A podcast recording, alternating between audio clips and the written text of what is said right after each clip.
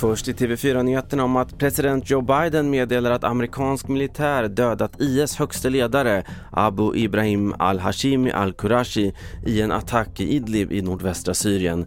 I attacken dog även ytterligare 12 personer varav flera av dem barn, uppger räddningspersonal på plats.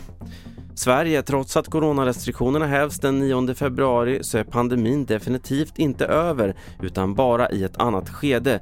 Det beskedet gav statsepidemiolog Anders Tegnell på Folkhälsomyndighetens pressträff nu under eftermiddagen.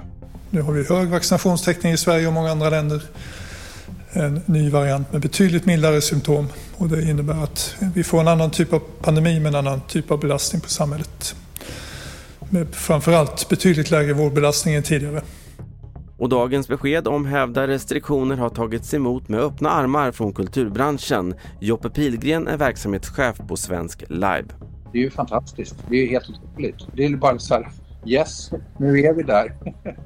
Fler reaktioner på tv4.se. Jag heter Carl-Oskar Alsen.